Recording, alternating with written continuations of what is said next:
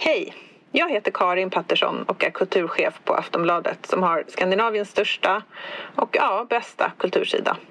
Varje vecka kommer dessutom mitt nyhetsbrev där jag skriver personligt om veckan som gick och gör ett urval ur veckans bästa texter och poddar. Både hos oss på Aftonbladet Kultur och på andra ställen. Nyhetsbrevet kostar ingenting och du får första tjing på inbjudningar till våra event och samtalskvällar om litteratur och idédebatt. Gå in på aftonbladet.se kulturbrevet och bli prenumerant. Hej då! Men du, spelar vi in? Ja, vi, rullar. Okej, ja, men vi, säger, vi, vi säger eh, hej och välkomna. Hej och välkomna. Vi sitter här i Malmö musikstudio. Mm, du är här, så himla mysigt. Så kul. Så kul efter en lång tågresa. Vi har precis efter en lång trevlig tåg. Var det trevligt?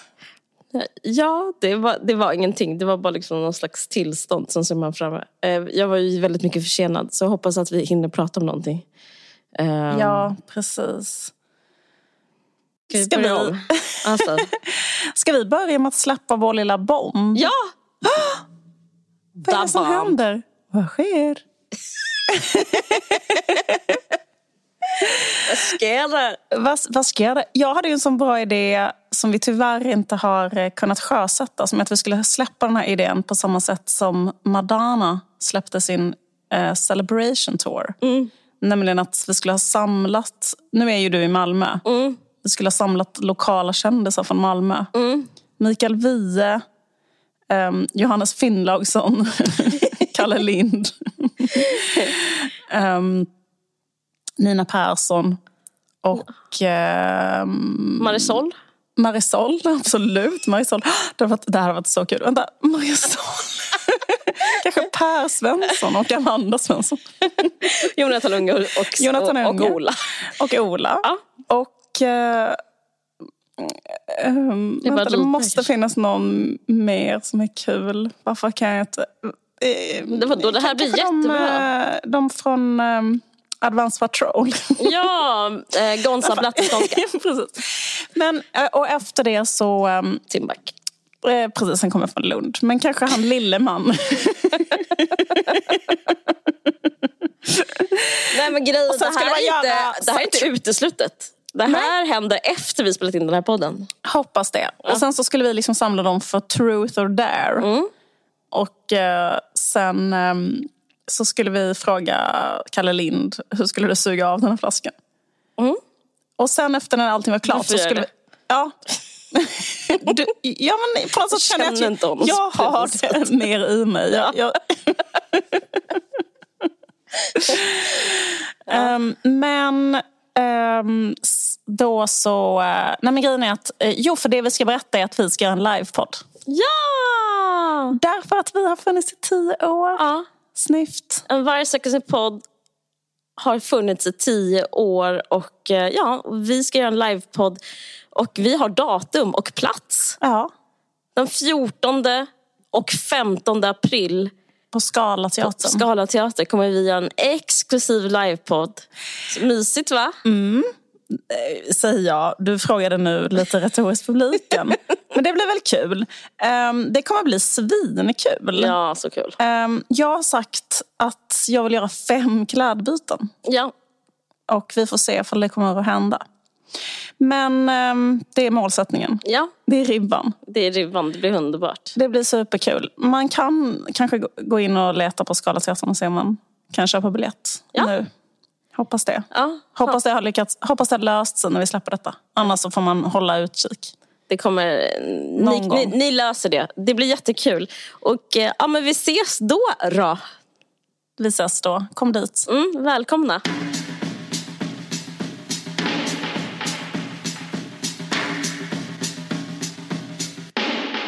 Men Hanna Hellquist skrev en krönika basically om att det var jobbigt att vara känd. Ja. Och eh, det är väldigt kul. Alltså jag tänkte på två saker. Gud, jag stör mig på att jag inte ser dig. Jag så här. Du brukar ju aldrig se mig när du spelar in. Jag vet, men nu när du är här känns det som så konstigt att inte kolla på det. För det var ett mixtativ När jag vägen. säger det här om den här krönikan vill jag att du ser mig i ögonen. Jag vill när vi poddar nu att vi ska stirra varandra i ögonen. det är så himla konstigt att göra det. Släpp inte min blick. Precis. Förlåt, fortsätt. Ja, men där, först ska jag säga en sak om eh, vår trendspaningspodd. Att både du och jag cirkulerade runt ämnet att, eh, att vara oskön som kändis skulle börja breaka lite. Mm, just det, att vara en jobbig kvinna sa du. Jag sa att inte vara en präktig person Mm. eh, med liksom stöd i Julia Fox. Mm. Att vara inte likable och liksom inte vara... Eh, ha den här... Alltså man, om man kan säga att allt är roller som Mm. känns. Och, och, och, nu har, och de flesta tagit samma roll som den barmhärtiga samariten. den tog alla. Den värsta personen i Bibeln. Ja, precis. The boring one in Bibeln. Straight. Liksom, den, var, den med minst personlighet i Bibeln. Ja, den, verkligen. Alla tog den. Den, den least memorable. Ja, verkligen. Men att... Skämt bara, jag gillar faktiskt den barmhärtiga samariten. Men det är inte... Ja, Ja, vad pratar vi om? Jo, att det har då varit liksom identiteten att vara kändis och, vara, och då liksom vara en god kändis. Jag minns till exempel att eh, alltså jag har hört så många samtal som är så här. Eh, två kändisar pratar i en podd och så säger de att de ha, det finns ingenting de hatar så mycket som när man är otrevlig mot eh, serv- servicepersonal. Då gör man ju slut direkt. Det är en dealbreaker. Och det, alltså det, är en sån, det är en jättevanlig kliché att säga att det är en dealbreaker om man är ihop med någon som är otrevlig mot servicepersonal. Det är, det, det är ett sätt att liksom få det att handla om hur skön man själv är. Det är ett sätt att säga, jag är väldigt snäll och eh, jag ser alla som jämlika och jag behandlar all servicepersonal jämlikt. Det här pratade Noro, eh, Nor El Refai och Schyffert om i sin podd. De satt och pratade om jättelänge. Och, eh, att de var trevliga. de satt och skönbattlade och Okej. pratade om hur mycket de älskade. De pratade om hur mycket de hatade andra kändisar som var otrevliga mot servicepersonal. Mhm, Men det tycker jag, jag tycker liksom det är, han är ju väldigt trendkänslig, Henrik Schyffert. Så jag Mm. tycker liksom det handlar om hur... eh, Alltså det är liksom som en slags idé, liksom, så platonsk idé om hur en kändis ska vara Mm, är just den grejen. Liksom. Ja, men eh, jag tror att de, kändisarna själva, och publiken börjar typ så titta på klockan lite i den här, i den här typen av kändisskap. Man bara, men ja, eh, nu, är, nu är föreställningen över snart. Alltså påsen är utlevd. Eh, och eh, liksom, cirkeln måste ta slut någonstans. Och den har lite gjort det. Och Julia Fox i USA och så nu här i Sverige tar Hanna Hellquist vid när hon säger att hon hatar när folk går fram eh, till henne på stan. Hon tycker det är jobbigt när folk liksom hoppar på henne eller liksom tar tag i henne eller, liksom, eller liksom dyker upp framför henne. Hon känner sig invaderad i sin personliga atmosfär, eller så personliga liksom, Svär. sfär, inte atmosfär. Och, och sådär. Eh, och att det, hon skrev en krönika som handlar liksom om att allting hon ville och kämpade för har som en nästan bumerang liksom slappat henne i ansiktet. För hon liksom kommit dit hon ville och när hon kom dit så är det som att hon hatar att vara där. Och hon trodde kanske inte att det här, att det någonsin skulle kunna bli så, men det är så. Och hon lider. Och det är väldigt många människor som har reagerat på det. Folk har blivit jätte, jättearga.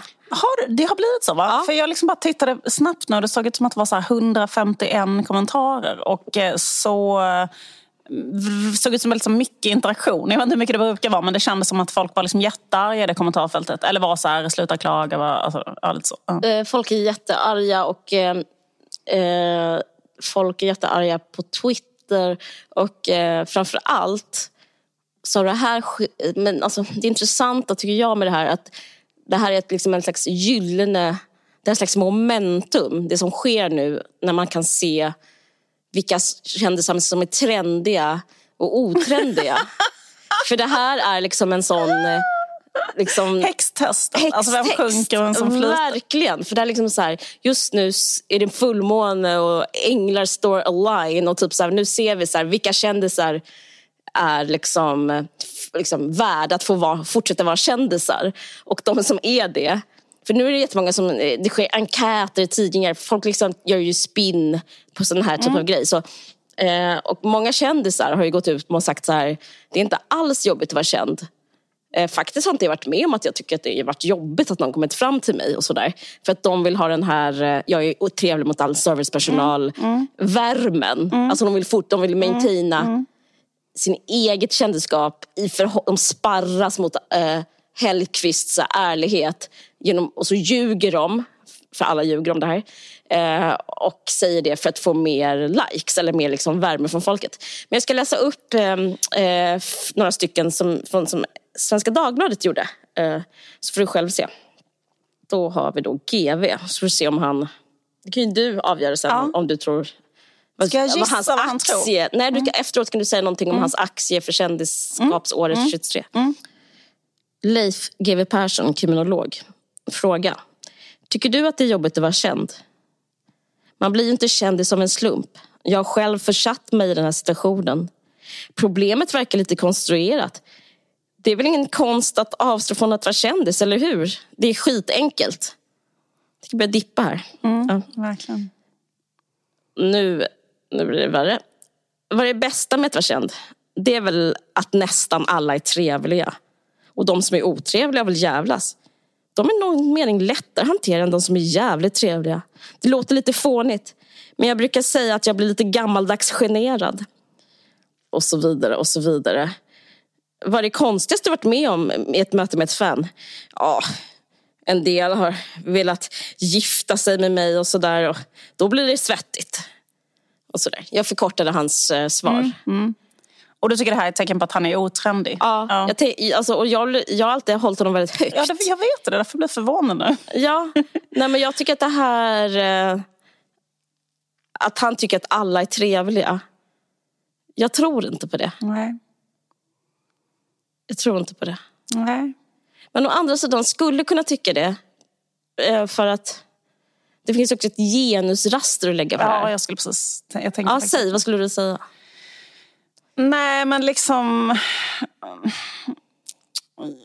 Förlåt mig, det var lite taskigt mot honom, men om man inte är så kanske genuin i sina mänskliga relationer, inte är så bra på mänskliga relationer. Förlåt, jag vet ingenting om honom. Jag gissar lite grann här nu. Mm. Så det är liksom kanske, för det är ett rätt så lätt sätt att umgås med folk, att vara kändis.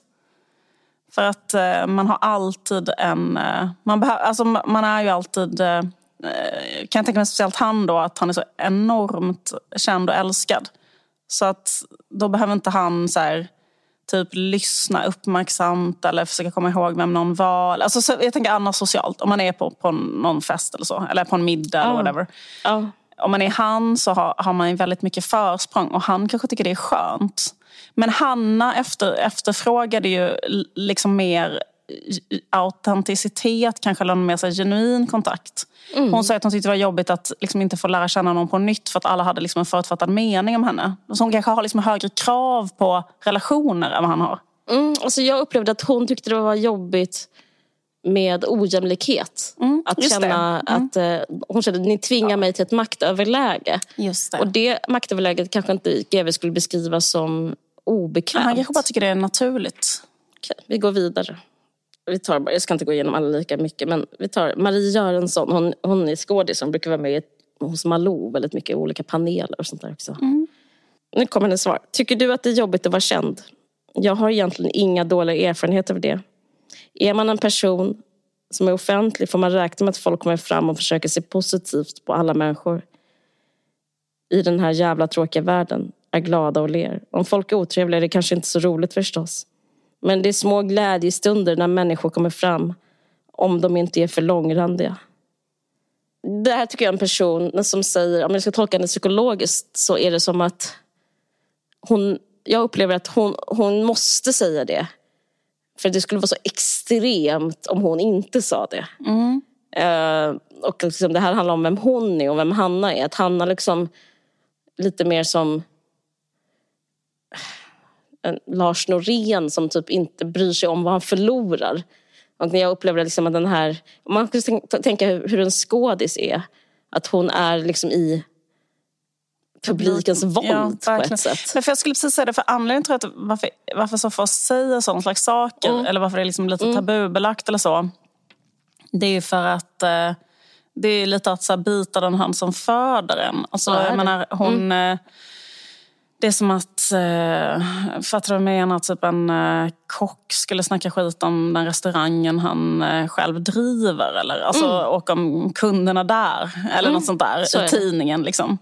Eh, för att eh, hela kontraktet bygger ju på att eh, Mm. liksom, Hanna Hellquists eh, liksom böcker och texter och så handlar ju ofta om saker som kanske människor då knyter an till. Så här, Mm. IVF eller skrivit om eh, att ha en förälder som dör. Och, Mm. Alltså liksom sådana slags ämnen.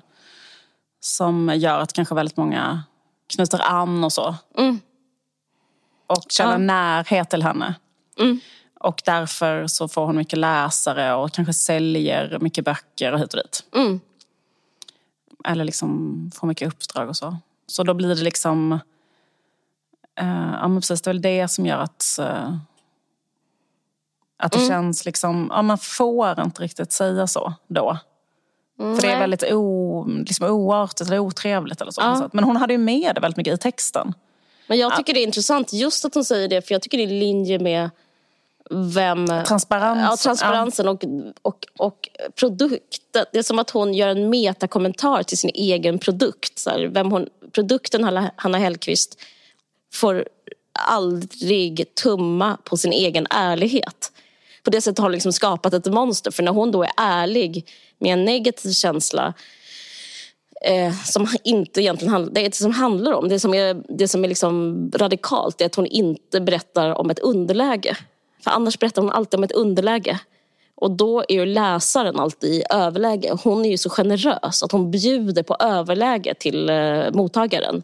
Så att man är alltid så här, "Aj, stackarn. Ja, ja, jag har två barn. Eller jag kommer i alla fall få barn. Eller vad det nu är. Eller min förälder har inte begått självmord. Liksom, hon, hon bjuder läsaren på att få vara den starka hela tiden. Men eh, det är också liksom ett test, skulle jag säga, till hennes fans. Att få vara ärlig även i, det, i att vara stark. Liksom, att vara, försöka vara en hel människa. Eh, men alltså hon bjuder upp till så här fråga, får jag vara en hel människa? Och jag tycker också hon tar tag i sitt eget problem. Om hon lider av att vara känd är det ju här ett sätt att liksom, spricka hål på den eh, kändisballongen. Alltså, Just det.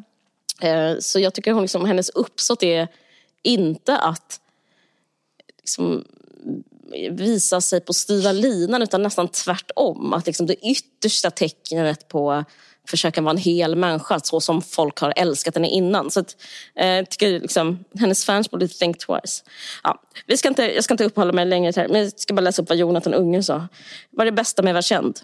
Folk är trevliga och en gång har jag fått gratis öl på en bar. Jag upplever också att parterapeuten är lite mer på min sida nu. Jag är mer känd än min flickvän och därför är det lite mer benägna att tolka saker välvilligt från mig. Den för, min förra partner var mer känd än jag och då var parterape- par, parterapeuterna också hårdare mot mig. Men det skulle jag också vilja lägga ett genusraster på för jag tycker också det var väldigt kul. Eh, men jag tror att han, är alltså han, han, han, han är väldigt rolig och formulerar sig väldigt kul och härligt. Men eh, det där är också en grej som han kan säga och bli älskad för. Medan liksom jag, jag skulle säga att det liksom är liksom svårare kanske för Marie Göransson att säga ens att hon är känd. Eller liksom säga, alltså, det, det är bara den grejen, det, det är liksom att, att det han gör, Jonathan Unge, samt, det är en vän till både dig och mig, men han, eh, gick, nu är han i offentligheten, men samma när vi var den här kulturbarnsdebatten, då tog han liksom hela anklagelsen och gjorde den till sin och liksom så här ägde den. För att han eh, har liksom den typ av pondus. Alltså han har typ råd med det. Och jag tycker det är intressant att se så här vem som har råd och inte. Så det är Hanna. Hanna kanske inte hade råd. Men om Jonathan skulle skriva om det så kanske folk skulle skratta. Alltså det, det är någonting med det. Eh, jag har ingen klar analys men det är, det är någonting. Genus någonting, någonting. Precis. Men jag tror i och för sig att hon kommer att klara, jag är övertygad om att Ja. hon kommer att klara sig från det här. För det enda som är intressant med en skribent är om den skriver något intressant. Liksom. Och det här var intressant. Så därför så Visst, liksom, spelar det ingen roll. Alltså, så är det verkligen. ja, men det känns också som att Men jag tror, jag, tror, jag tror mer än så. Jag tror att det här är liksom jobbigt att läsa. För det är liksom, jag tror verkligen på den här spaningen. Jag tror det är dags för en ny tid.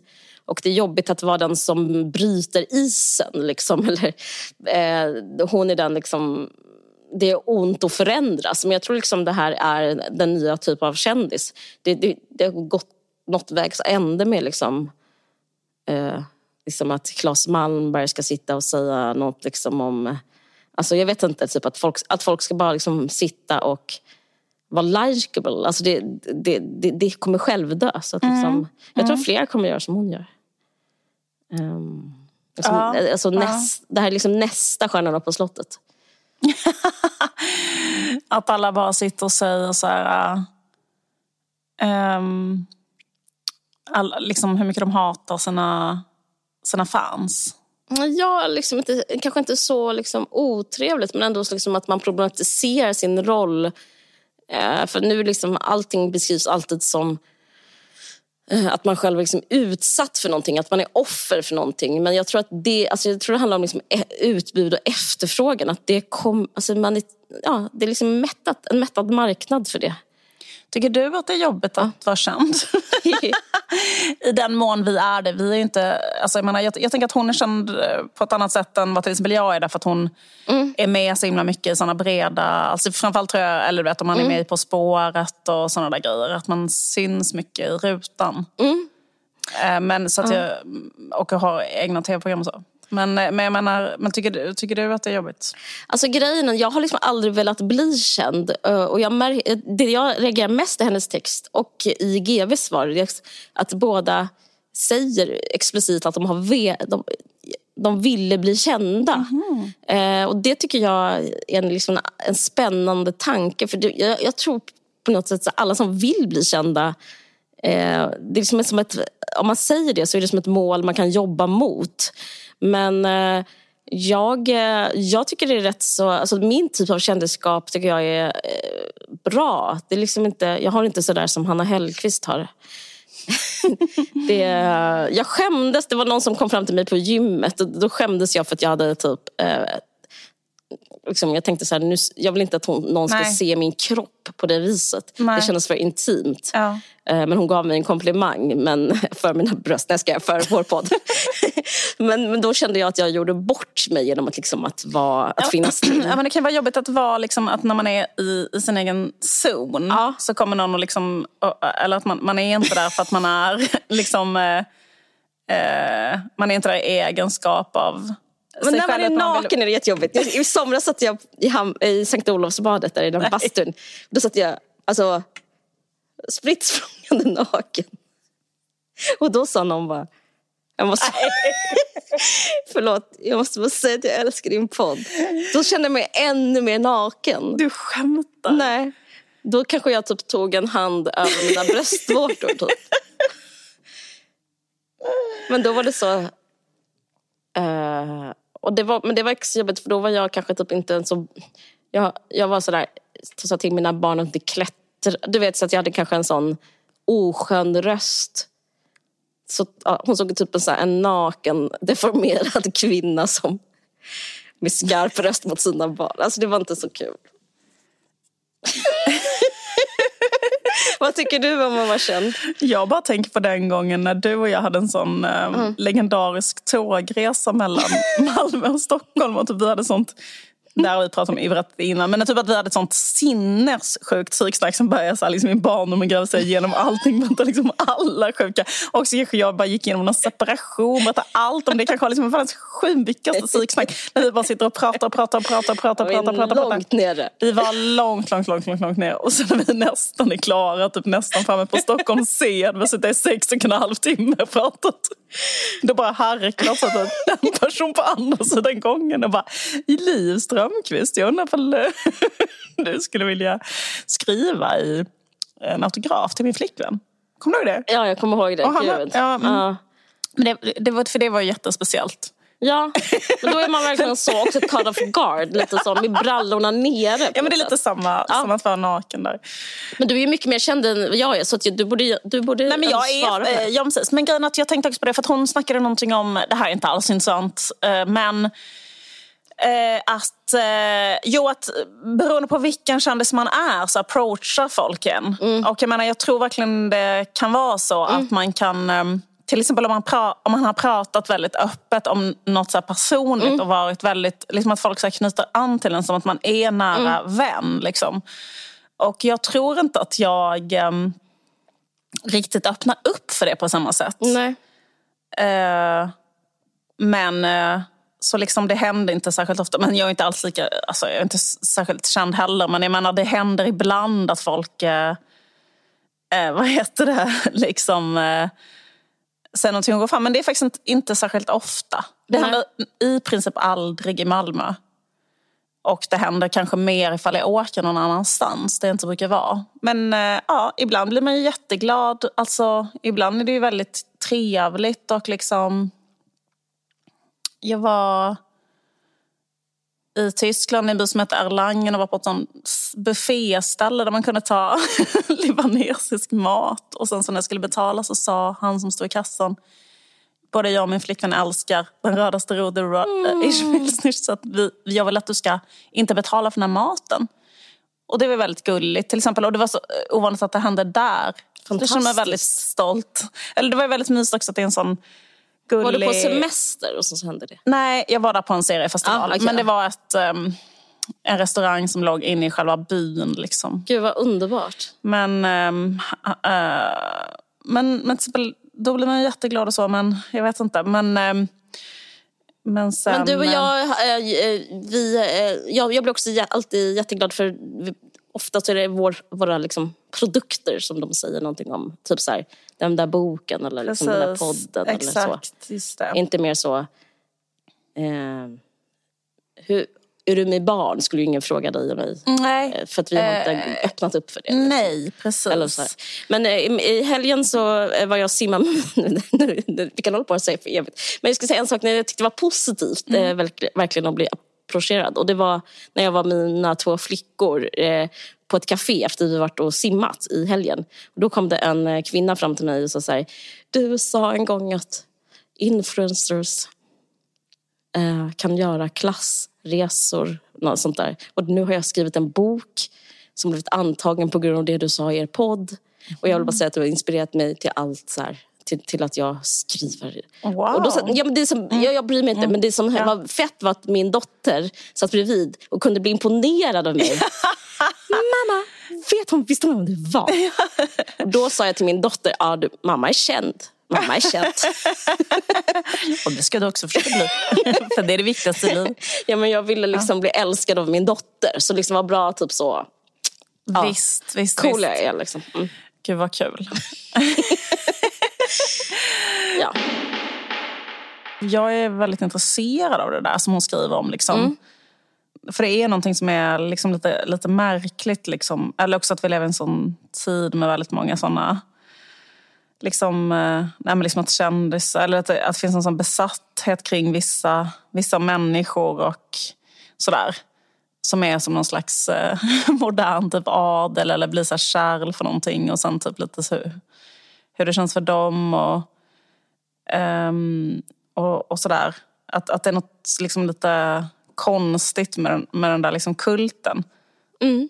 Och, eh, och, och jag tycker det, jag, jag, jag tycker det liksom är förvånande med människor som bara rakt av njuter av det och tycker att det är, är helt oproblematiskt att vara i den situationen och bara njuter i fulla, fulla muggar av det. Liksom. Mm. Eh, Var en red flag? Ja men typ liksom eh, människor som bara verkar omfamna det och liksom men det är aldrig varningsklocka. Ja men exakt, det, det, är ju det. Ja, men visst, precis. Det är sjukt. Ja, det är det, det konstiga. Ja, ja, exakt. Men, eh, men jag tycker, du har sagt, alltså, man skulle kunna lyssna på det här avsnittet som du eh, eh där du pratar om Leonard Cohen. Det tycker jag att det var ett väldigt bra sätt att prata om kändisskap på. Just det. Ja, det var väldigt intressant. Det att det finns den här aggressiviteten i eh, kärleken. Mm. Eller liksom, och i den här asymmetriska makt. Mm. Att man känner att hat balansen. mot känslor. Ja. Som, eh, jag tänkte lite på det när jag läste Hannas text. Liksom, att det finns någon slags ägandeskap i, i kärleken till en Precis. annan människa. För det kan man ibland råka ut för. Men jag tror och det förstår om man är jag. mer känd. För jag har aldrig varit med om Okej, det. Men jag tror kanske du och Hanna... Jo, men du har varit med om det. Alltså du har varit med om det fast du har liksom inte fattat det tror jag. Men, men det är som... Det kan vara någon som vill liksom ha någonting av din position eller och är så arg för att den inte kommer att och liksom få den bekräftelsen eller erkännandet eller så och därför blir väldigt aggressiv. Alltså så är det. Och, det, och så kan det ju vara. Mm. Och jag menar, och det har jag 100% förståelse för, för jag var exakt så när jag var yngre. Mm. Alltså... Har du ett blir- exempel? Jag, jag, kommer, jag fattar typ inte riktigt vad du menar. Jag tänker bara på den Leonard Cohen-situationen. Men, men ja. Eh, precis. Nej, men jag vet inte riktigt. Men jag, eh, jag upplever liksom när man kanske är lite så här ung och hungrig, eller hur man ska beskriva det, att man kanske kan känna så här, jag, jag vill inget annat än att skriva till exempel. Jag hörde nu att det är ett manus av 2500 som blir antaget på ett medelstort förlag. Eller förstår du vad jag menar? Jösses, ja. Ja, men, eller ännu mer. 5 000, en på 5 000 något liknande av människor som skickar in. Och sen så liksom att det är kanske, man själv kanske drömmer mer än någonting annat om att skriva. Som jag också gjorde innan jag liksom, uh, gav ut en bok och man, man så himla gärna vill det. Och så kanske man träffar någon som har gjort det. Mm. Eller, har liksom, eller bara kommit pyttelite längre på vägen. Eller liksom så. Eh, ja, då, blir man liksom, då, då, då vill man jättegärna ha den personens blick och bekräftelse och så får man inte det. Eller man redan innan förstår att man inte kommer att få det för man är liksom en nobody i den personens ögon. Och då blir man arg. Och sen om man får tillfälle att säga något taskigt eller göra något taskigt mot den så kanske man gör det. Liksom, För att man är så jävla uppfylld av det här rasande avundsjukan typ. Eller bara viljan att ha något. Alltså detta minns jag från att jag var liksom väldigt ung. Mm. Ehm, och, eh, och sen ibland, därför kanske jag känner igen det när någon är sådär mot mig. Mm. För att jag liksom bara, ah, ja, tjena från andra sidan. Ja. See on the other side. det är lugnt typ. Ja, vad, det är typ helande. Alltså, Nej. någon, inte om någon är som nej. dig. Det är inte... Nej, det är absolut inte helande Nej, för att... Men det är bara så här, tiden är på något visst sätt och ibland är man någon, ibland är man någon annan och det spelar inte så jättestor roll. Så och jag, förstår du vad jag menar? Jag är cancelled nästa vecka så det spelar ingen roll. Nej, nej, alltså, nej. förstår du vad Ja, jag menar? bra. Jag ja, men liksom typ att jag tycker det är så, lite speciellt med folk också som upplever sin position som så säker. Eller sådär, liksom. För jag tror inte att någon, eller jag vet inte, att de är så ah, jag är känd och det är folk, eller jag vet inte, Nej. folk tycker om mig. Man bara, ja ah, men hur länge då? Typ. Eller liksom, Ja, verkligen. imorgon. Därför jag vill bli psykolog. Ja, ja visst.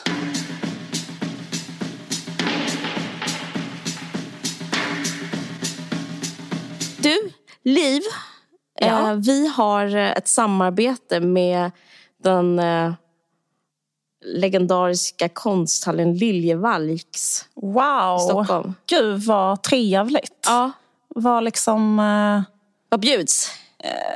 nej, jag skulle bara fortsätta prata om hur, ehm, Hur underbart och trevligt eh, Liljevalchs konsthall som ligger ute på Djurgården är. Och vad underbart det är när man har tiden att eh, ta sig dit. Ja. Ehm, det verkar också som att de har en ny tillbyggnad som öppnade hösten 2021. Den- Sen dess har inte jag varit där. Nej. Jag har varit där för jag tycker väldigt mycket om att gå dit och eh, äta. För det är liksom de, det är så vackra färger. Det är så, man kan sitta i en atriumgård och se ut över liksom otroliga kolonner och känna, känna att man är i typ någonstans i Berlin eller i någonstans i Italien. Liksom, Fast i Sverige. Det, är väldigt underbart. Eh, Men de vill jättegärna att vi ska tipsa om den här nya utställningen som heter Inga, Inget papper och inga mynt. Eh, Och det är då Jockum Nordström.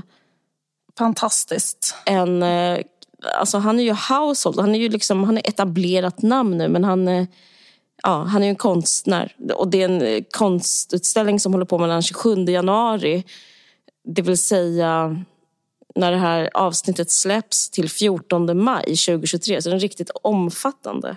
Gud vad, vad kul att de gör en sån jätteutställning med honom. Ja. Hur skulle Eh. du beskriva hans konst? Jag läser, jag konfronteras med hans konst varje dag därför att jag läser eh, varje kväll för mitt barn en bok som heter Sailor och Pekka gör ärenden på stan. Okej. Det är en otrolig barnbok som ja.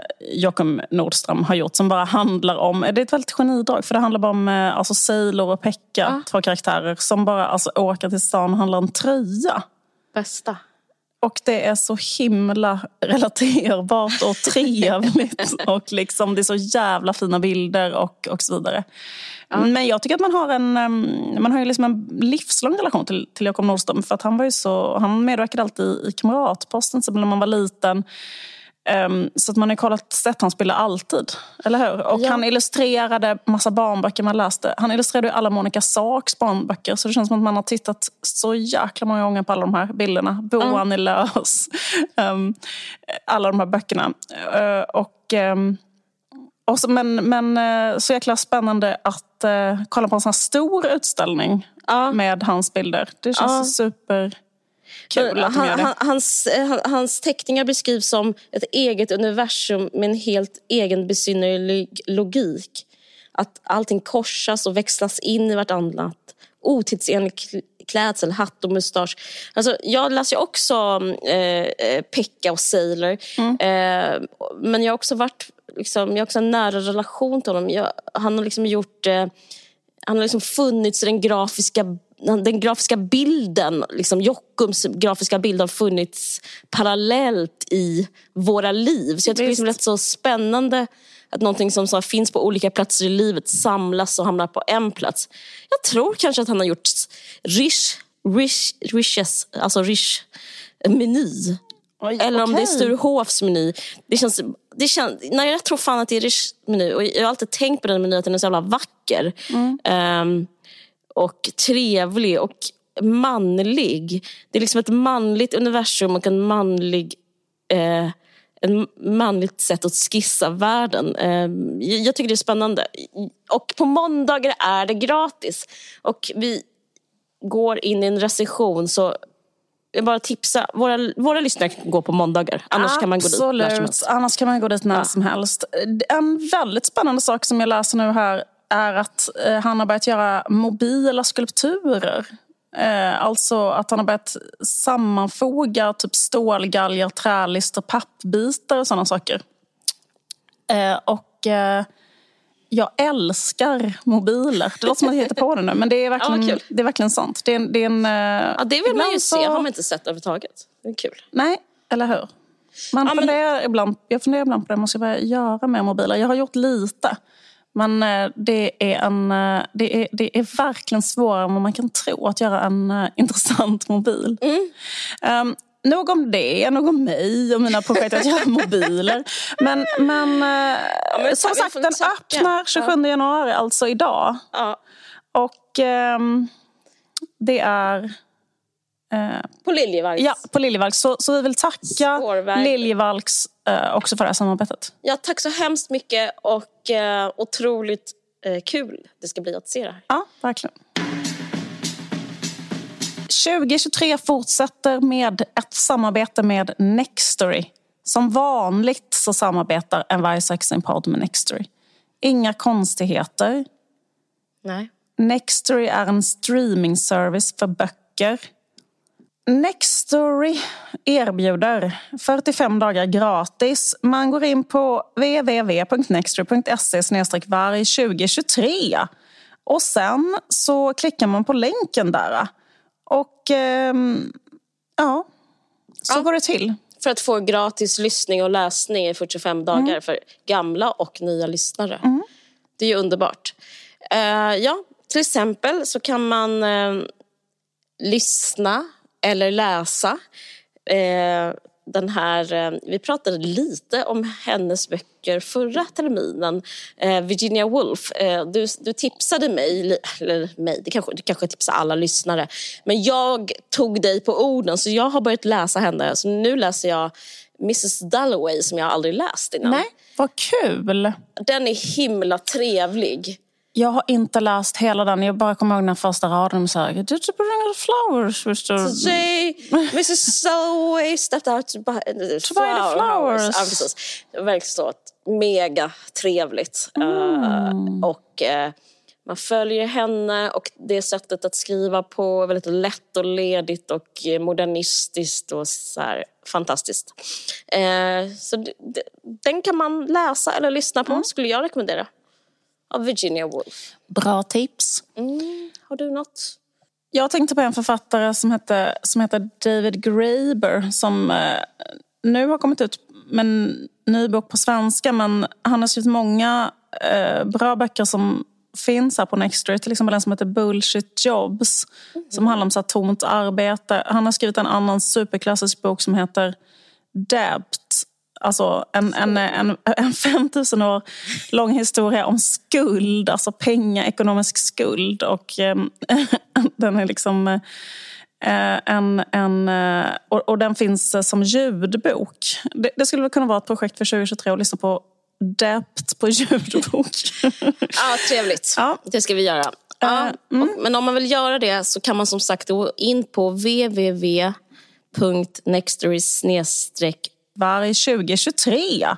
Och så tecknar man en prenumeration gratis och eh, lyssnar på våra tips. eh, Eller läser våra tips. Det finns ju båda. Det är både ljudbok och e-bokstjänst här. www.nextory.se varg 2023. Så bra. Tack så jättemycket för det här samarbetet Nextory. Tack Nextory. Kul att jag har ett Ninjago, alltså sånt här Ninjago-instruktions um, uh, broschyr som, som bokmärke i min Thomas Bernhard-bok. Livet i ett nötskal. Livet i ett nötskal. Eh, Nej, men, eh, ja, men jag um, har läst uh, samma bok som du hade läst förra gången. Mm. Um, det här var faktiskt lite temat, var det så i höstas flera gånger? Ja. Att du läste en bok och sen så efter, efter något avsnitt så I läste alla jag fall den. Sally Rooney minns Sally. Rooney var så. Det var någon annan också kanske. Ja, det var kanske till och med någon annan. Det Ölbeck? Nej, den läste vi samtidigt kanske. Ja, den läste vi samtidigt. Ehm, ja, men jag kommer inte på. Men det, jag Eller tror det var någon mer att... Jag tror att vi båda gjorde det vid olika tillfällen. Också att vi typ... Jag tror, ja, men det var inte som någon tv-serie. Typ att jag kollade på den och sen kollade du på den. Skitsamma. Det spelar ingen Jag roll. läste också um, She came to stay efter dig. Så du Ja. inte... Så. Men pratade du om den? Nej. Nej. Nej, men jag ehm, eh, har liksom sånt här förhållande till Thomas Bernhard eh, som man när man är liten har man sånt förhållande till Morrissey. Som är typ att man eh, älskar någon på ett sånt jättebarnsligt sätt och typ inte vill eh, prata med någon annan om det och är svartsjuk för att någon annan läser den boken. Och, så liksom jag Så har känner jag dig jättemycket. jätteinfantilt förhållande så därför vill jag typ inte ens... Men vi behöver inte prata om Nej, det. nej, men, jo, men vi kan prata om det lite grann. Men, eh, jag, Men, men han, är, han är stark, alltså han har en, quite an impact. Ja, verkligen. Och det är också något man inte vill inte prata om sin egen relation till det för att det är för viktigt. Typ så. Eh, men jag tänkte på, för den här boken är eh, en otrolig bok. En av de bästa böckerna, tycker jag, som liksom jag läst. typ. Och den är liksom en lång eh, berättelse som du pratar om, om en man som går på middag hemma hos några eh, liksom gamla vänner. Jag hade så mycket ångest för jag inte kan tyska. Jag, jag, jag, jag hade så här varje timme, du vet att jag hade suttit och uttalat det fel. För att jag, jag, jag hånskrattar alltid när jag hör någon uttala fel. Kan, Men kan inte du säga vad de heter? Jag sa fel i hela vårt avsnitt. Ja, men jag har liksom aldrig sagt detta högt, för jag har bara det läst gör man det. ju inte. Det var därför det gick så åt helvete för mig också. Jag får se om jag kan... Ausenbergers. Auersberger. Kolla, precis. Ja, men skit i det. Ja. Auersberger. Jag vet inte vad man säger heller. Jo, men jag tänkte på det, det var så intressant. därför att det handlar om att han har varit vän med dem för länge sedan. Och sen så eh, gör omständigheter, han har brutit med dem eller de har inte umgåtts på 20 år eller något liknande. Och sen så gör omständigheter att de har haft en gemensam vän som har dött och begått eh, självmord. Och därför har han kommit tillbaka in i deras lägenhet. Och då sitter han igen och tittar på dem fast med en annan blick. Och eh, du nämnde att eh, i den här podden, har du läst den? Med mm. bland annat Lydia Sandgren mm. så hade de pratat om den här eh, boken. Mm. Det är ganska gammalt det avsnittet förstod jag 2021. som 2021. Och sådär. Ja. Det var jag som sökte upp det för jag var så här, ja, intresserad måste... av vad folk hade sagt ja, om boken. Precis. Ja, men precis. För jag lyssnade också på det. Jaha, okay. Men, men precis, jag vill inte säga något eh, negativt. på samma sak ja, men exakt, jag. Men, men jag tror också det var för att du hade sagt det. För då, men då, för då tänkte de, just för att han är väldigt då hatiskt och kategoriskt avvisande mot dem. Eller han liksom genomskådande på ett eh, på ett väldigt eh, plågsamt sätt eh, genomskådar dem och deras hyckleri och deras... Eh, liksom, hur, hur dåliga de, en laserblick på hur dåliga de är som konstnärer och hur, hur liksom alkade de är, hur fula de har blivit, hur, hur äckligt att japanska snacks är och hur liksom, ja men du vet allting liksom. Och vilka jävla idioter den här människan som tror att hon är Vins Virginia Woolf och alltså du vet allting så. Jag tycker det är kul, alltså, bara du återberättar ja, men exakt, det, det, För det första är det det roligaste texten ja, någon, någon någon någonstans skrivit. Ja. Men i alla fall, men, men, då, men då sa de att det här är, en sån blick har man när man är ung. Um, men det som jag tänkte på så himla mycket när jag läste den var liksom att jag tyckte det så jävla, jävla bra beskrivning av att åldras. Mm. Um, för att jag tycker nästan att det är liksom det som boken handlar om. Typ så här, mm. Att bli äldre. Mm. Och att det är så jävla intressant därför att um, då, eller liksom att man har ett specialintresse av det själv för att man själv blir äldre. och att uh, han är typ över 50. Mm. Och att um, han, jag tycker, för jag tycker det, det som är så intressant i, i boken är liksom, jag tycker att han beskriver någonting som är så himla eh, som jag tycker man kan känna igen sig i jättemycket. Mm. Som är det där att han är ung och då blir han helt um, förtrollad av de här människorna. Mm. Han blir liksom som att han är i en förälskelsefas mm. med dem.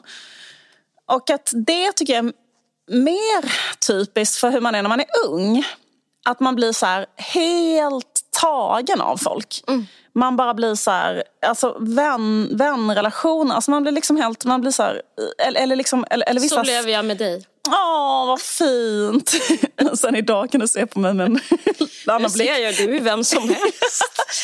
Nej, men exakt, man kan ja. bli så himla begeistrad av sammanhang. Alltså ja. att han kommer in i deras våning och de spelar musik. Han skriver också att de har gett honom allting. För jag menar, det här kan också vara väldigt positiva saker. Ja. Jag tycker Ia Genbergs bok handlar mycket om det. Alltså detaljerna. För den handlar om så här enskilda möten med, med vissa människor som typ så öppnar upp ens blick. Och så här, nyckelpersoner som man träffar som blir så här, eh, alltså de får ju tillbaka honom till kultur helt enkelt. Han har liksom eh, mm. tänkt att han ska aldrig mer syssla med kultur mm. och sen så träffar han dem och då tar han eh, upp, tar, tar han upp mm. liksom, musik och allting sådär. det är fint. Eh, precis. Så jag tycker liksom att när man är ung så är man så här, man har liksom den förmågan att helt fritt bli förvandlad av en annan människa. Mm. Och eh, liksom typ förändra varenda punkt i sig själv, sina maner, sitt sätt att prata, sina kläder. Mm. Bara för att man har träffat någon som har fått en sån otrolig impact mm. på en. Liksom. Man formas. Man formas. Ja. Samma sak med idéer eller åsikter. Mm. För att man hör allting för första gången också. Liksom. Mm. Att man bara, någon presenterar någon tankeströmning för en och man blir helt liksom, begeistrad av mm. saker så hela tiden. Liksom. Eh, men också eh, det där kanske resentimentet och avundsjukan och det där liksom, eh, hör ju till också. Det där liksom, att man har inte hittat sig själv och sin plats eller vem man är och man liksom har, har liksom kämpat med sådana saker. Mm. Men det som han beskriver här det är den här liksom... Efter, liksom när fjällen faller från ens ögon och man liksom inte kan... Ja, när liksom, det är så avförtrollning av en massa saker. Mm, verkligen. Och det där är så jävla... Han tvingas se det liksom i ja, klart ljus. Exakt, precis. Det är så otroligt smärtsamt. Precis, och det där är så jävla smärtsamt. Men, och det är också så här, men det, men så tycker jag det är att bli äldre. Att man liksom, saker som var förtrollade sammanhang, personer, idéer. Mm. Eh, ser man plötsligt och ser att det inte var någonting. Mm. Um, och um, så jag tycker liksom att han beskriver det så jävla mycket. Mm. Och liksom att man inte längre är... För det där hatet och så. Mm. Det är också väldigt förbundet med att vilja någon någonting. Alltså förstår du vad jag menar? Typ att man är 20 och hatar Filip och Fredrik kanske. Mm. För att mm. de har tv-tid. Eh, mm. Då är man liksom arg. Då är man på väg. Då, ja, och då också mm. är man ju också helt besatt av dem. Och sen det här sa det som jag pratar om nu är att känna Filip och Fredrik och det, och det rör en inte i ryggen. Man märker inte om de är i eller utanför rummet. Förstår menar? Och, då, och där på något sätt... Nej men det, det var bara ett exempel. För det, det, jag kan ta vilket, vilket exempel nej, som helst. Var, men liksom... Därför att saker har är inte magiska. Liksom, de är typ avförtrollade om man bara ser saker i sin såna kranka blekhet. Jag menar inte att... Jag, jag tycker lite det Hanna Hellquist skriver ja, om också. Jag vet, därför att jag, därför att jag kopierade ja. saker som hon hade skrivit. För då tänkte jag på det bara att... För att hon skriver så här... Um, så är det. Livet krymper. Jag gillar inte att gå på fest längre. Jag gillar inte att prata med folk jag inte känner och det brukade vara det bästa jag visste. Um, Och så tänker man så här, är det för att hon är känd eller är det bara för att hon är äldre? Alltså för att det är rätt så kul när man är 20 att gå på en fest och prata med folk man inte känner. Sen är det plötsligt så här, aha, ska, du, ska du säga någonting om Harry och Meghan nu som jag ska orka behöva höra dig som jag aldrig har träffat? Alltså, eller, ja, alltså, det, är liksom, det är väldigt svårt liksom. Men det är absolut inte bara så här Nej. och så vidare. Och inte ens för mig särskilt mycket så mm. Men jag bara tycker så här, men, men, det, är, men det är lite så. Typ en, en process av avförtrollning, en process av liksom att...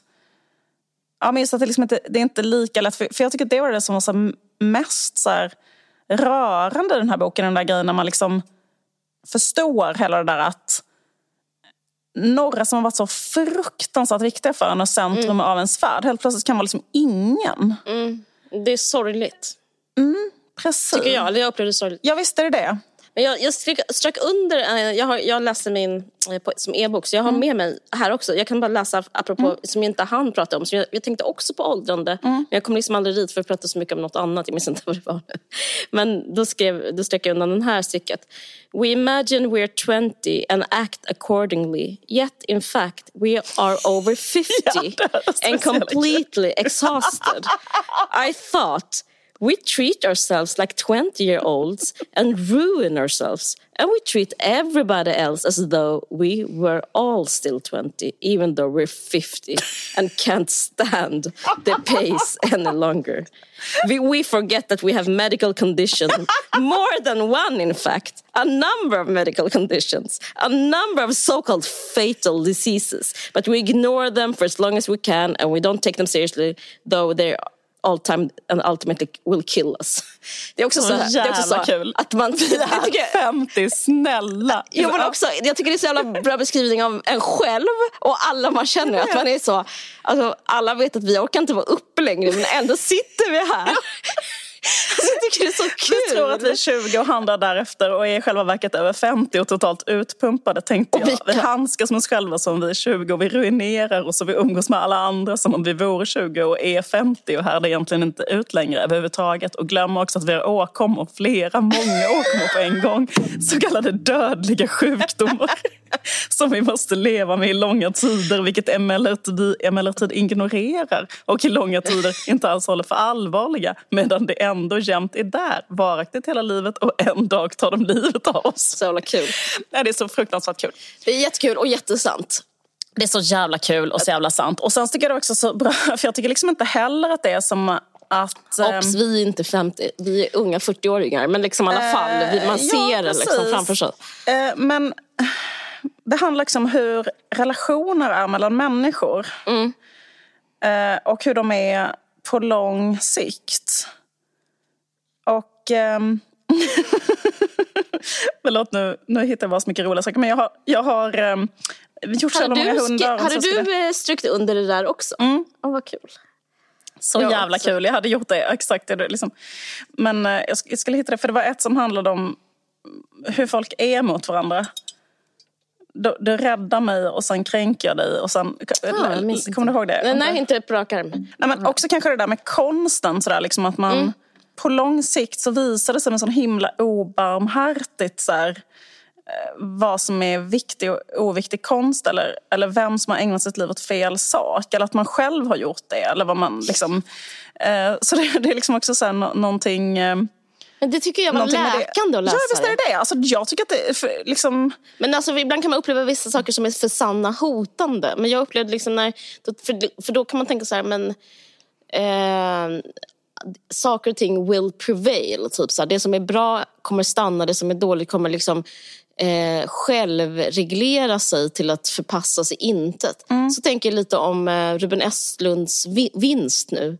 Att eh, den är inte bra egentligen mm. och den kommer glömmas av historien. Mm. Jag är jättearg för att inte Boy from Heaven vann för den är fantastisk. Men den kommer leva på grund av någon slags självreglering. Men jag skulle säga, jag, en sak som är, som är sjuk med den här boken, att jag blev så himla påverkad. Så att efter jag hade läst den hade jag en föreläsning för en teater. Mm. Och det blev så konstigt. Det var som att jag skällde ut hela ensemblen för att jag var så påverkad av Thomas Bernhard. att jag såg som teatern, alltså jag var Thomas Bernhard och den teatern jag stod på var... Burgteater. Jag var burgteater.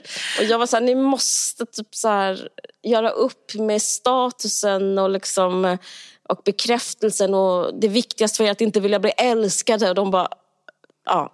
det, var, det, blev, det, blev, det var, jag hoppas att de tyckte det var bra men det var, på ett sätt var det liksom psykotiskt ja, liksom, på något ja. sätt. Eller så, och, men det är också ett tecken på hur bra den här boken är, hur stark den bara liksom tar tag i en och liksom får en att liksom ändra riktning i livet. Jag, jag ska bara läsa det här ja, om hur det är med relationer, att ha långa relationer med människor mm. och bli äldre. Under en tid går vi tillsammans med andra i en riktning. Sen vaknar vi och vänder dem ryggen. Jag vänder dem ryggen, inte de mig, tänkte jag. Vi binder oss vid dem och avskyr dem helt plötsligt och släpper iväg dem. Vi springer i åratal efter dem och ber om deras sympati, tänkte jag. Och vinner vi en gång deras sympati vill vi inte alls ha deras sympati längre. Vi flyr från dem, de hinner ifatt oss och sliter oss till sig och vi underkastar oss dem, alla deras diktat, tänkte jag, och ger tappt inför dem tills vi antingen avlider eller spyr. Vi flyr ifrån dem och de hinner ifatt oss och krossar oss. Vi hänger efter dem, vi bönfaller dem att ta sig an oss och de tar sig an oss och tar livet av oss. Eller också undviker de från början och vi lyckas undvika dem hela livet ut, tänkte jag. Eller också går vi i fällan och kvävs. Eller också slipper vi undan dem och kritiserar dem, förtalar dem, sprider lögner om dem, tänkte jag, för att rädda oss. Förtalar dem där vi bara kan för att rädda oss undan dem. Springer för våra liv ifrån dem och beskyller dem överallt för att ha våra liv på sitt samvete. Eller så slipper de undan oss och förtalar oss och anklagar oss och sprider alla tänkbara lögner om oss för att rädda sig själva, tänkte jag. Vi tror att vi redan är döda och träffar dem och de räddar oss. Men vi är inte tacksamma mot dem för att de räddat oss. Tvärtom, vi förbannar dem, vi hatar dem för det. Vi förföljer dem med vårt hat för det att de räddat oss. Eller också tränger vi oss på dem och de stöter bort oss. Vi hämnas och förtalar dem, kritiserar dem överallt, förföljer dem till slut ända ner i graven med vårt hat.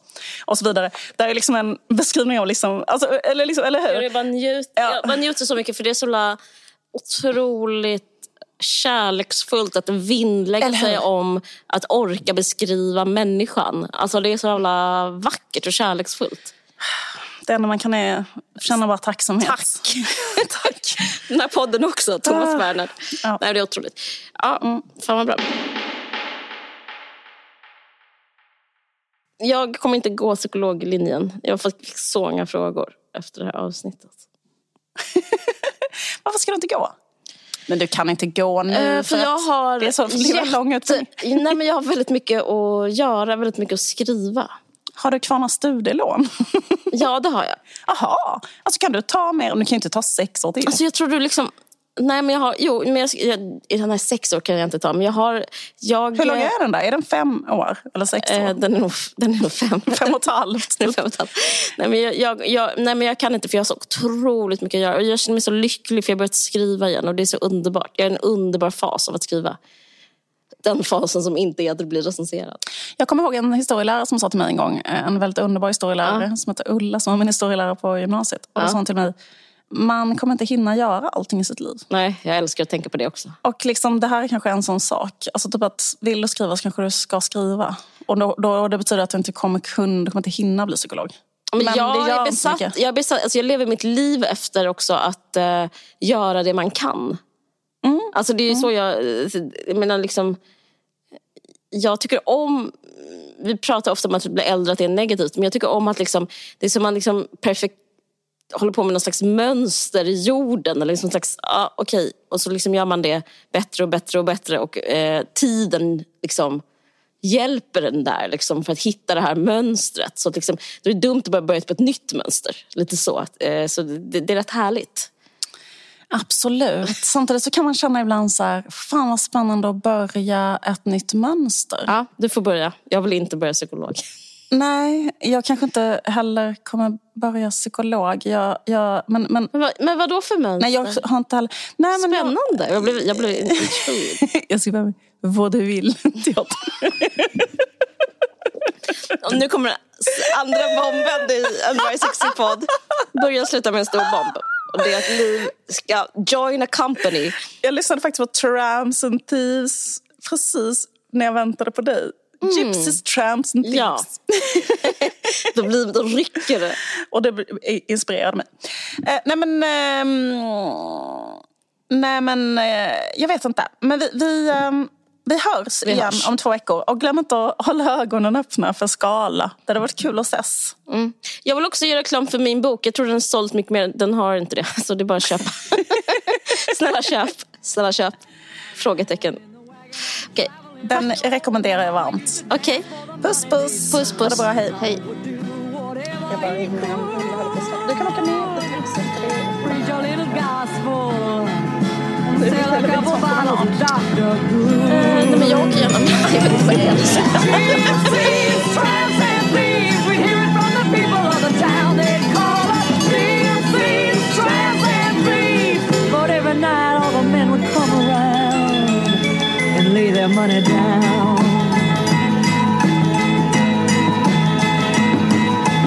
Picked up a boy just south of Mobile. Gave him a ride, filled him with a hot meal.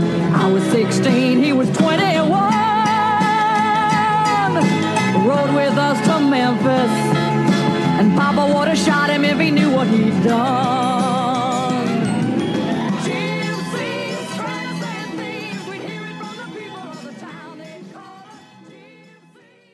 Du har lyssnat på en podcast från Aftonbladet. Ansvarig utgivare är Lena K Samuelsson.